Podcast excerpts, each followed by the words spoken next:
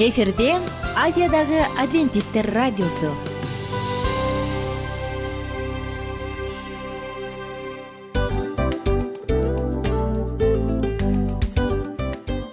Достор салют.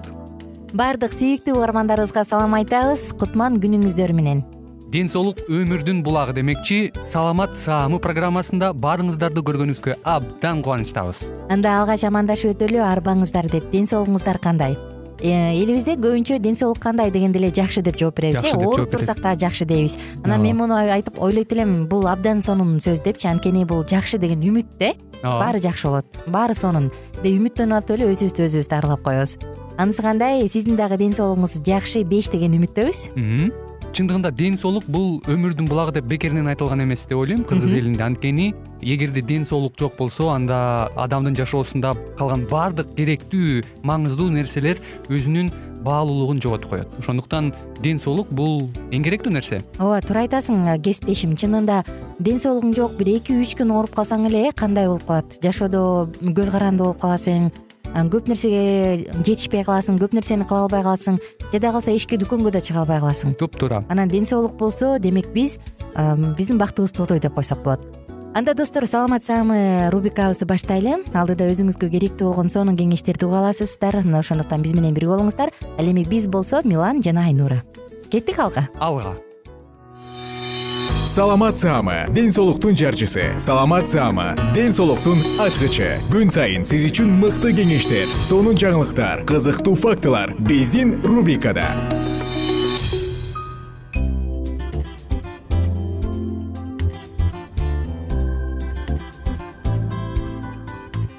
Кутман күнүңүздөр менен достор угармандар. Жалпы биздин сүйүктүү замандаштарыбызга ысык салам айтабыз дагы. Кызмат өтүп жаткан мен айнура жана бүгүн сиздер менен саламат саам уктуруусунда көзгө кам көрүү жөнүндө сөз кылабыз. Достор элестетиңиз. Эгерде биз кадимки эле терезелерди жуубай койсок айлап жылдап жуубай койсок анда эмне болмок эле? Анда албетте үйгө жарык келбей калмак. Ошол сыяктуу эле биздин көздөрүбүз дагы дүйнөнү көрүп турган терезе экени жөнүндө ойлонуп көрдүңүз беле? Мына ошон үчүн аларга кам көрүү өтө маанилүү мурунку уктуруубузда көз жана анын түзүлүшү жөнүндө айтып бергенбиз. Эсиңизде болсо керек. Көрүүбүз биздин бул эң эле кереметтүү жашоодогу эң сонун көрүнүш дегенбиз.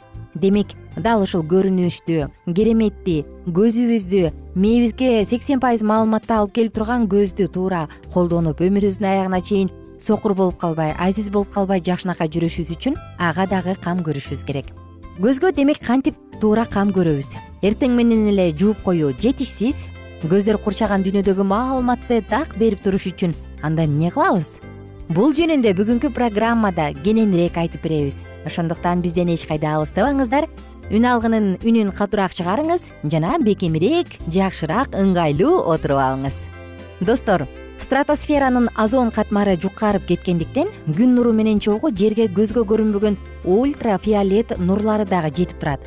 Негизи бул нурлар адамга пайдалуу бирок көп өлчөмдө нурданып кеткенде катарактанын өрчүшүн шарттап көздүн төр кабыгына зыян алып келет. Катаракта бул көз оорусу э мына ошондуктан көчөгө чыгаардан мурун сөзсүз түрдө күндөн коргоочу көз айнек тагынып алганыңыз жакшы. Алар бизди күндүн ашыкча нурдануусунан коргойт. Жакшы күндөн коргоочу көз айнектер көз үчүн потенциалдуу коркунучтуу болгон күндүн көрүнгөн нурларын жана көрүнбөгөн спектрдин бүт баарын же бир топ бөлүгүн фильтрлейт. Ошондуктан а жана б спектриндеги ультрафиолет нурларын токсон тогуз же жүз пайызга блоктойт деген көз айнек сатып алыңыз. Анан көз айнекти карып баратканда же чоңойгондо же сулуулук үчүн эмес а бала чактан кичинекей кезден коргош керек жаш кезден коргош керек болбосо жогоруда айтылган ультрафиолет нурлары көзгө башынан эле зыян келтирип коет дагы улам адамдын жашынын өтүшү менен көздүн көрүүсү да начарлай баштайт. Балдарыңыз бар болсо же өзүңүз көчөгө чыгаарда сөзсүз түрдө узакка чыга турган болсоңуз башыңызга баш кийим бул тегереги баягы калканы калыңыраак көбүрөөк чоңураак болгон шляпа болобу же кепка болобу башыңызга баш кийим жана күндөн коргой туруучу көз айнек тагынып алганды унутпаңыз. Достор эгерде сиз мен көлөкөдө эле жүрөм десеңиз жаңылышасыз. Көлөкө учурунда дагы көлөкө тийип турганда дагы күндөн коргоочу көз айнекти тагыныш керек. Анткени көлөкөдө ультрафиолет нурлары аз болгону менен алар баары бир көзгө сөзсүз зыян таасирин тийгизип коет. Керек болсо туманда дагы очкини көз айнекти тагынып алган жакшы. Эгерде күн чаңкайып тийип турса анда ого бетер ого бетер күндү тагыныш керек достор адамдын көзү ачык түстө болсо анда ал сөзсүз көз айнек тагынганы жакшы. Анткени анын оболочкасы баягы сырткы катмары ачык түстөгү жарыкка өтө сезимтал келет. Ошондуктан мындай адамдын көзү эрте ооруп калышы мүмкүн. Эмне үчүн? Көзү көк же көзү ачык түстөгү адамдар эрте көз ооруларга чалдыгат. Анткени алардын көзү. Дагы бир жолу кайталай кетели. Күн нуруна абдан сезимтал. Ошондуктан достор кайсы гана жерге барбаңыз? Тоого чыгасызбы же суунун көлдүн жээгинде болосузбу лыжа тепкени барасызбы каарда жүрөсүзбү сөзсүз көз айнек тагынып алганды унутпаңыз. Көз айнек тагынган күндө дагы күндү тике карабаңыз анткени андагы жарык көздүн тор кабыктарына абдан зыяндуу. Ошондуктан антип ойноп эле койгон жакшы. Көз торчолору ооруган кезде сары так дегенерация боло баштаганда көз айнек сөзсүз тагыныш керек. Ошондой эле конъюктивит жана башка көз ооруларында дагы тагынуу зарыл көздүн көрүүсүн күчөнткөн учурда дагы көз айнек сөзсүз тагынышы керек. Мисалы антибиотик ичип атканда бойго бүтүрбөөчү каражаттарды тынчтандыруучу каражаттарды холестеринди төмөндөтүүчү ар кандай дары дармектерди ичкен кезде дагы сөзсүз көз айнек тагынуу зарыл. Анткени бул препараттар ультрафиолет нурларынын көзгө тийгизген терс таасирин абдан күчөтөт. Эгерде ар кандайдыр бир травма алып же хирургиялык операция болгондо анда сөзсүз түрдө мында дагы көз айнек тагынуу зарыл булар күндөн коргоочу көз айнектер жөнүндө болду. Эми болсо достор андан сырткары атайын коргоочу көз айнектер бар эмеспи. Эгер сиз жумушуңузда ар кандай химикаттар менен иштесеңиз электроинструменттер менен иштесеңиз анда алардын көзгө таасирин жаман зыян таасири тийип калбаш үчүн коргоочу көз айнек тагыныңыз. Сөзсүз түрдө тилекке каршы биздин көздөрүбүздү экрандан коргой турган укмуштуу бир очкилер көз айнектер чыга элек.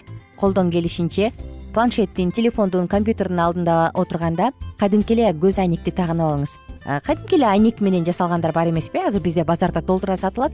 Ошонун эң эле жакшысын сатып алганга аракет кылыңыз. Анан достор компьютердин өтө жарыгы же болбосо өтө эле караңгы болгону анда көздүн булчуңдарын талытат. Бул акырындык менен акырындан акырындан отуруп көздүн көрүүсүн начарлатат. Ошондуктан компьютерда отуруп иштей турган болсоңуз көзүңүздү эс алдырып ары бери басып ар кандай көнүгүүлөрдү жасап коюңуз.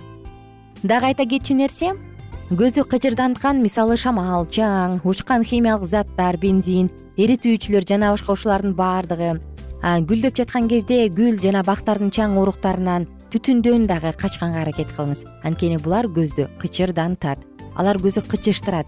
Кычышкан кезде монтип аны тим эле чукулап тырмап же сүртпөй эле коюңуз анткени колдо деген канча деген бактерия микробтор бар. Алар көзгө кирип кетсе олуттуу инфекцияларга чалдыктырышы мүмкүн. Достор ошондой эле өзүңүздү жакшы сезип жакшынакай көрүнүшүңүздү кааласаңыз көздөрдү эс алдырыңыз. Убак убактысы менен алыс жактыга көз чаптырып тиктеп туруңуз. Анан айтып коюшат экен суучулдардын моряктардын көрүүсү абдан жакшы деп. Анткени алар сааттап алыс жакты тиктешет деп. Ошондой эле болсун балким биз дагы саякатка чыгып келербиз. Достор андан сырткары көздүн көрүүсүн эмне начарлатат? Бул өтө көп холестерин кандагы глюкозанын көптүгү жогорку кан басым булар дагы биздин көрүүбүздү начарлатат. Достор колдон келишинче көздү травма алып калуусунан сактаңыз колдон келишинче өтө ачык көздүн жоосун алган укмуштуу өңдөрдү кийбеңиз. Мисалы өтө кызыл өң бул дагы көздү чарчатат жана кыжырдантат. Андан көрө кадимки эле сары жашыл көк түстөгү өңдөрдү кийинген же ушундай түстө үйдү жасалгалаган көздү тынчтандырат. Достор адамдын көз карашы көп нерсени айтып коет дейт эмеспи ушул сиздин көз караш дайыма гана саламаттыгыңыздан кабар берип турсун. Сиздер менен кайрадан амандашканча сак саламатта туруңуздар саламат саама ден соолуктун жарчысы. Саламат саама ден соолуктун ачкычы. Күн сайын сиз үчүн мыкты кеңештер сонун жаңылыктар кызыктуу фактылар биздин рубрикада. Салют замандаштар баарыңыздарга ысык салам. Дил маек программабызга кош келиңиздер. Дил маек рубрикасы дегенде эле бул эмне болгон дил маек ким менен маектешебиз деп сурайт болуш керек угармандарыбыз бул рубриканы кыскача тааныштыра кете турган болсок ар тарап кесип ээлеринен болгон сонун интервью кеңештер бар. Ооба. Жылдыздар менен болгон маек бар. Аталарыбыздын агаларыбыздын чоң аталарыбыздан сонун кеңештер бар. Ошондой эле эже сиңдилердин кеңештери бар. Айтор баардык кызыктардын баары алдыда. Негизи эле адам баласы бир кимдир бирөөнө ишенип сырын ачкысы келет эмеспи э мындай баарлашууга жакын келебиз го? Албетте негизи бир жерге отуруп алып кенен шашпай баягы жүрөктөн жүрөккө ачып сырларыбызды ар кандай көйгөйлөрүбүз менен бөлүшүп баягы чын жүрөктөн маек курганды кимибиз сүйбөйбүз э? Ооба десең ал нерсеге суусап да келебиз да. Ооба кээ бирде адамга чындыгында баягы э, ысык маек баягы жылуу маек жетишпейт да. Ошондуктан биз ушул рубриканы ойлоп тапканыбызда эң биринчи эле достор сиздер менен чын жүрөктөн бир маңыздуу темаларды козгоп кеткени кааладык. Ошондуктан ушундай сонун бир рубриканы тартуулап жатабыз. Анын үстүнө радио дагы сонун дос да. Анткени э, мындай учурда досуңа айтсаң досуң досуна айтат досу досуна айтат да анан бүт өлкө билип калышы мүмкүн го. А радио болсо сени сатпаган сенин айыбыңды ачпаган сенин сырыңды эч кимге айтпаган сонун дос ошондуктан биздин алдыдагы айта турган кеңештерибизди биздин досторубуздун кеңештерин угуп анан ал жака пикириңизди дагы калтырып кайрадан биз менен байланышсаңыздар болот. Деги эле жашооңузга эгерде кичине болсо дагы өзгөрүү алып моралдык жактан нравовалык жактан сонун бир кеңештерди алсаңыз демек биз максатыбызга жеттик. Ооба. Чыңгыз атабыз улуу жазуучу э, чыңгыз айтматов айткандай адам болуу бул күнүмдүк процесс экен. Күн сайын адам бойдон калуу бул адамзатка эң эле кыйын дейт э? э эң кыйын дейт. Чындыгында бунун э, негизинде адамдын эң баягы сапаттуулугу адамдын э, адамгерчилиги жана көптөгөн керектүү нерселер. Мына ошол темалар дагы бизде ушул дил маекте биз аларды да козгойбуз. Ден соолук жөнүндө да сүйлөшөбүз. Сөзсүз түрдө анан милан мырза негизи айтып коюшат го. Биз көбүнчө эмнени ойлонсок ошол нерсеге карата иш кылабыз го. Ооба. Анан анысы кандай? Балким бул радио баракчада кимдир бирөөнүн оюн текшергенге жардам берет кимдир бирөөнүн жүрөгүн текшергенге жардам берет. Балким кимдир бирөөгө жашоонун маңызын тапканга жардам берет айтор кызыктын баары алдыда бул жөн гана кыскача жарнама анда угармандарыбыздын баардыгын кийинки рубрикабызга чакырабыз. Ал эми кызматта маңдайымда отурган кесиптешим милан жана мен айнура. Анда эмесе биз даярдаган терең терең ойлор менен таанышууга кеттик. Алыс алыс баралык. Анда эмесе достор биз менен бирге болуңуздар. Алдыда эң кызыктуу маалыматтардын баардыгы бир нече мүнөттөр бою жалгыз гана сизге арналат. Мына ошондуктан жакшы маанай менен угууну каалайбыз. Үн алышканча. Жөнөдүк. Ар түрдүү ардактуу кесип ээлеринен алтын сөздөр жүрөк ачышкан сыр чачышкан сонун маек дил маек рубрикасында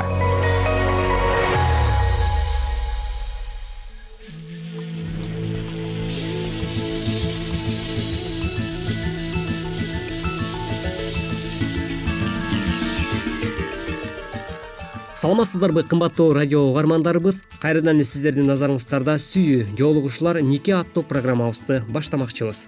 Бүгүнкү уктуруубузда биз сиздер менен никеге чейин жыныстык байланышта болуунун олуттуу коркунучтуу жагдайлары туурасында дагы кеп кылып өтмөкчүбүз.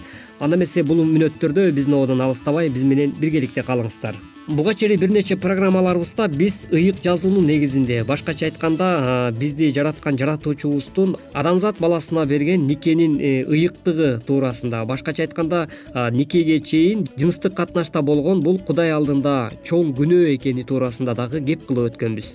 Деги эле кудай сөзүндө никеге чейинки жыныстык мамилелер ошондой эле ар кандай туура эмес жыныстык мамилелер күнөө экендигин э, түшүндүрөт деп дагы баса белгилеп кетсек болот мисалы элдер арасында мындай дагы ой жаралышы мүмкүн. Э, эмне болмок эле заман өзгөрүп жатпайбы деп дагы айтышы мүмкүн.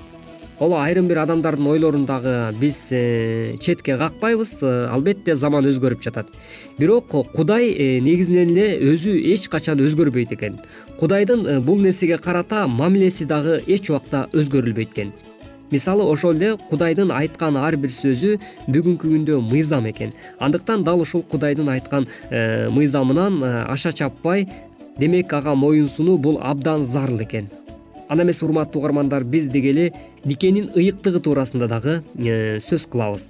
Деги эле кудай бизге э, бул жашоодо ошол никеден ырахат алыш үчүн башкача айтканда э, никени туура жашооңдо колдонуш үчүн бизге белек катары берген экен. Жана ошондой эле бизге жараткан жаратуучубуз эң жакшысын гана каалайт экен. Албетте көпчүлүк жаштар кудай эмне үчүн никеге чейин жыныстык мамиледе болууга тыюу салаарын түшүнүшпөйт кээ бирөөлөр кудай биздин денелик жактан ырахат алышыбызды каалабайт деп ойлошот. Бирок бул туура эмес жаңылыштык ой кудай биздин ырахат алышыбызга тоскоол болуш үчүн нике жөнүндө эрежелерди ойлоп тапкан эмес. Тескерисинче денелик сүйүүдөн толугу менен көпкө чейин ырахат алышыбыз үчүн бизге ушундай эрежелерди берген. Бул түшүнүктүүрөөк болуш үчүн поездди элестетип көрөлү эң тез жүргөн поезддер японияда кездешет эмеспи. Алар саатына жүз токсон километр менен жүрүшөт. Кээде алардын ылдамдыгы саатына эки жүз элүү километрге жетет. Бул поезддер кантип ушундай ылдамдык менен жүрүшөт? Бунун сыры кылдаттык менен ойлонуштурулган жана өтө чеберчилик менен курулган темир жол рельстеринде. Поезддердин чоң ылдамдык менен жүрүшүнө темир жол рельстери жардам берет бир поезд өзүнөн өзү эле. Мен бул эски жолдор менен жүргөндөн тажадым. Алар мен үчүн өтө эле кууш. Мен эркин болгум келет. Кайда кааласам ошол жака барам деп айтса. Ушундай чечим чыгаргандан кийин поезд темир жол рельстеринен секирип түшүп күрүч талаасы аркылуу бара жатат дейли. Поезд эми эркин ал темир жол менен чектелбейт туура бирок анын ылдамдыгы баштагыдай саатына жүз токсон километр эмес ал таптакыр кыймылсыз баткакка малынып калат. Башка бир күч аны ордунан тургузуп тазалап кайра темир жолго койгонго чейин ошол жерде жата берет. Секс менен да ошондой. Кудай денелик сүйүү менен ырахаттанууга жолтоо болуш үчүн эмес. Бирок толук жана көпкө чейин ырахат алышыбыз үчүн темир жол сыяктуу бизге да кээ бир эрежелерди берген шайтан сага рельстен секирип кетүүнү сунуш кылып жатат. Эгер сен анын тилин алсаң анда баткакка малынып каласың. Айрым угармандарыбыз мен рельстен секирип кеткен болсомчу мен үчүн үмүт барбы деп сурашы мүмкүн. Ооба сөзсүз түрдө кымбаттуу досум сен үчүн үмүт бар. Биздин жараткан жаратуучубуз ошол күнөөлөрдүн баткагынан куткарып алгысы келет. Бул туурасында биз ыйык жазуулардын негизине карай турган болсок бир жолу динчил адамдар ойноштук кылган адамды кармап алып исанын жанына алып келишет. Анан исага минтишет. Устат бул аялды ойноштук кылып жаткан жеринен кармап алдык. Муну биз мусанын мыйзамы боюнча аны таш бараңга алып өлтүрүшүбүз керекпи? деп сурашты. Устат айтсаң сен буга эмне дейсиң? деп суроо салышты. Бул адамдар тигил аял жөнүндө кам көрүшкөн жок. Алар исаны айыптоону кандайдыр бир жолдор менен издеп жатышкан эле. Эгерде иса таш бараңга алгыла дей турган болсо анда ал мусанын мыйзамы боюнча каршы чыкмак.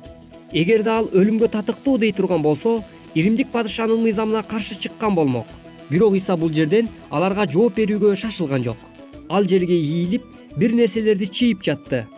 Адамдар болсо исанын чечимин чыдамсыздык менен күтүп жатышты. Иса болсо ордунан турду да кимиси күнөөсүз болсо биринчи болуп таш ыргызсын деди аны угуп тургандардын абийири чыдабай карысынан баштап жашына чейин биринин артынан бири кете башташты. Иса болсо аялдын күнөөсүн кечирип айыптоочуларың кайда? деп сурады. Ошол учурда аны айыптап жаткан динчилдердин баардыгы тең күнөөлүү болгондуктан туш тарапка кетип калышкан эле. Иса болсо аялга кайрылып мындай деди. Мындан ары күнөө кылба бара бергиң деди. Ошондой эле кымбаттуу достор эгерде сенин жашооңдо кандайдыр бир олуттуу күнөө кылган болсоң эгерде иса машаякты өзүңдүн жашооңо куткаруучуң жана теңириң катары кабыл алып кудайдын алдында баардык күнөөңдү мойнуңа ала турган болсоң жана андан кечирим сурасаң иса теңир сенин күнөөлөрүңдү кечирип кудайдын алдында тазалагысы келет. Сен бул жашоодон ар бир күнөөлөрүңдөн кечирим алышың үчүн мындан эки миң жыл мурун иса машаяк сен үчүн айкашкан жыгачта курман болуп сен үчүн канын төккөн. Анын каны сенин ар кандай күнөөлөрүңдү кечире алат ыйык китепте мындай деп айтылган. Иса машаяктын каны бизди ар кандай күнөөдөн арылтат. Бул боюнча биз ыйык инжил китебинен жакан жазган жакшы кабардын биринчи жакандын биринчи бөлүм жана жетинчи аяттарынан окуп билсек болот. Эгер сен чын эле ушуга умтулсаң анда теңир менен дос болушуң керек. Ага өзүңдүн күнөөлөрүң жөнүндө айтып бер. Андан эч нерсени жашырба сенин күнөөлөрүң үчүн айкашкан жыгачка өлгөндүгү үчүн ыраазычылыгыңды билдир. Сен үчүн төгүлгөн кымбат баалуу ыйык каны менен сени тазалашын суран кымбаттуу угармандар бүгүнкү уктуруубузда биз дал ушул кудайдын бизге карата берген никелик жашоодогу ыйыктыкты башкача айтканда ал тазалыкты белек катары сунуш кылганын бүгүнкү уктуруубузда көрө алдык. Эмки берүүбүздөн биз сиздер менен кайрадан эле дал ушул аба толкундан үн алышканча аман болуңуздар ар түрдүү ардактуу кесип ээлеринен алтын сөздөр жүрөк ачышкан сыр чачышкан сонун маек дил маек рубрикасында.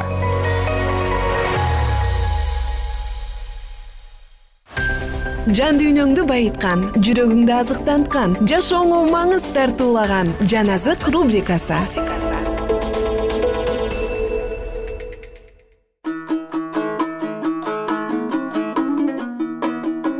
кутмандуу куш убак күнүңүздөр менен кымбаттуу угармандар. Жалпыңыздарды жан азык уктуруусуна чакырабыз жана сиздер менен бирге бүгүн улуу күрөш китебин андан ары улантып кызыктуу жана керектүү маалыматтарды бирге тыңдайлы. Качан самария жергесинин тургундары аны барга албай коюшканда түшүнбөй таң калган жакан мындай дейт. Теңир каалайсыңбы? Илия пайгамбар сыяктуу биз дагы алардын үстүнө асмандан от түшсүн деп айталык бирок машаяк өз шакирттерине жан ачыгандык менен карап жана анын зөөкүрдүгүн жемелеп мындай дейт.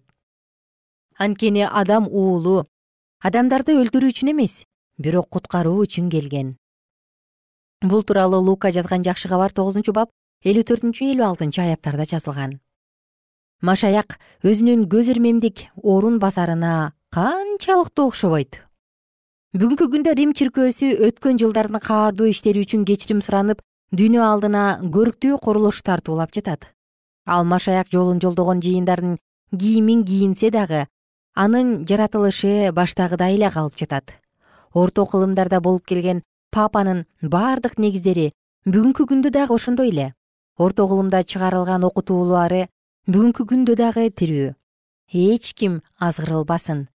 Биздин күндөрүбүздө протестанттар колун сунууга даяр турган папалык кыймыл реформация убагында кудайдын эр азаматтары өз жандарын тобокелге байлап анын иштеринин айыбын ачууга аракеттенишкендеги көргөзгөн сапаты менен эле калган. Ал баштагы текебердигин теңирге таандык нерселерге умтулгандыгын сактап келет. Бүгүнкү күндө аны башкарган рух бийликти күч менен тартып алган ошол кездеги адамдардын укугун тебелеп эң жогоркунун ыйыктарын өлтүргөн зөөкүрдүктөн эч нерсеси менен айырмаланбайт пайгамбарлыкта жазылып калтырылган акыркы күндөгү баш тартуу бул папалык кыймыл өзү. Папалык кыймылдын саясаты абдан кылдат. Өз максатына жетүү үчүн ал ар кандай түр алат. Бирок хамелеондун ар кайсыл өңүндө ошол эле өлтүрүүчү уу камтылган. Папанын жактоочулары мындай дешет. Жалган окутууларды таратуучу еретиктерге жана ошондой эле окутуу менен шек туудурган адамдарга карата берген убаданы аткарбай койсо болот.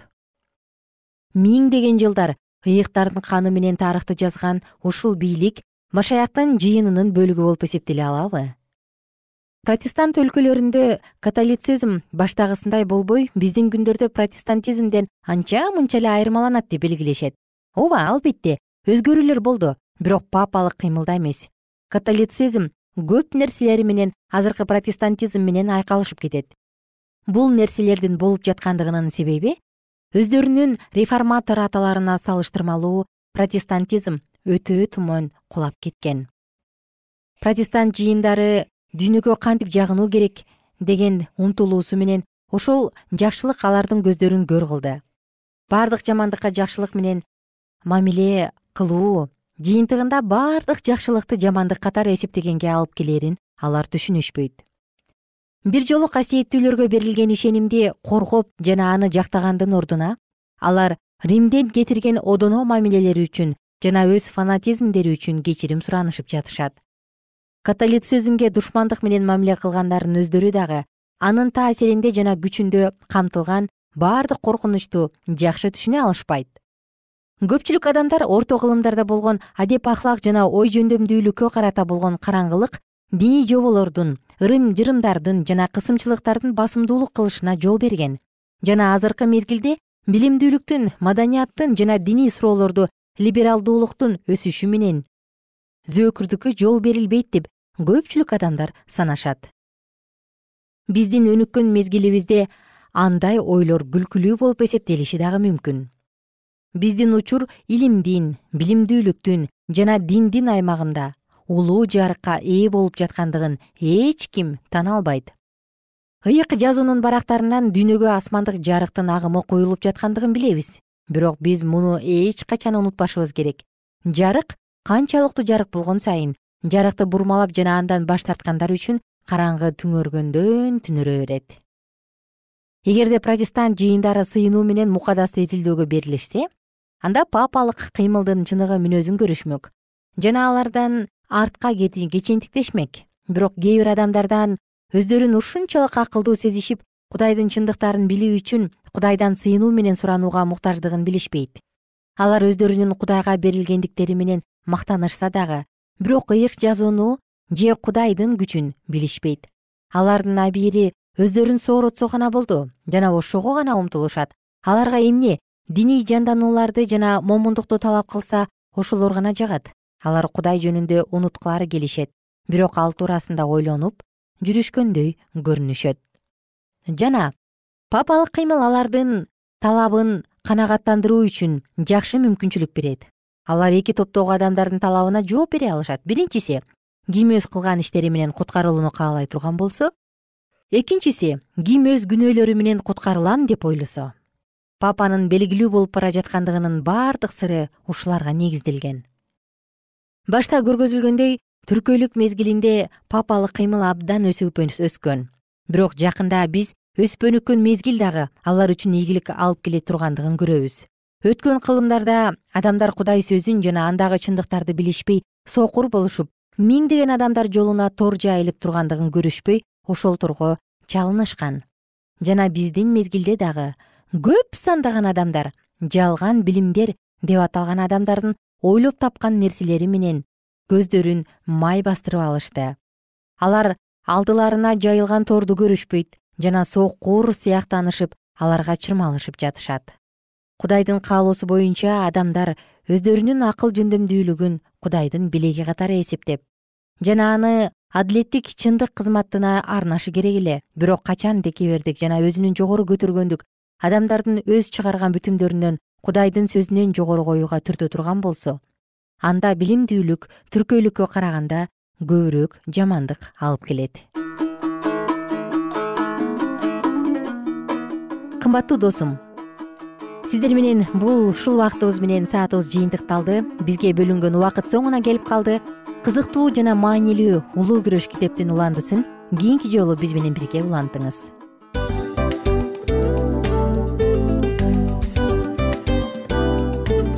ушун менен достор программабыздын уктуруубуздун эң кайгылуу мөөнөтүнө келип жеттик. Кайгылуу дегенде ыйлагым келип кетти кесиптеш. Кадимкидей. Анткени баягы учурашасың анан коштошуу учур келгенде ии кантип ии эми бат баттан келиптир э сагындырбай деп атып араң коштошобуз го. Анысы кандай угармандарыбыз менен коштошчу учур келди кийинки уктурууларды сагыныч менен жүрөгүбүздө кусалык менен күтөбүз жалпыңыздарды анан жарым сааттык уктуруу көз ачышым канча өтүп кетти. Сөзсүз бирок бизде жакшы кабар бар. Кийинки уктурууларыбызда сөзсүз дагы кезигишебиз. Анткени биз көптөгөн сюрприздерди кызыктуу маалыматтарды жана керектүү керектүү нерселердин көбүнчөсүн даярдадык анда угармандарыбыздын баардыгына ийгиликтүү күн каалайбыз. Эгерде бүгүнкү күнүңүз өзгөчө э, өтүшүн кааласаңыз анда позитивдүү ой жүгүртүп жылмайып жакындарыңызга жакшы маанай тартуулап жүрө бериңиз анткени сөзсүз түрдө мунун арты кайтат э? Сөзсүз. Баягы ден соолугуңа оңолот ал бул деп көп нерсени санап келебиз. Эң негизгиси бул сиздин жашооңузду жаркын кыла түшөт экен жараткан кудай ар бирөөңүздөргө батасын берсин жашооңуз ийгиликтүү болсун сак саламатта калыңыздар деп мен милан жана кесиптешим айнура. Баардыгыңыздар менен кийинки уктурууда үн алышканча баарыңыздарга ийгилик каалайбыз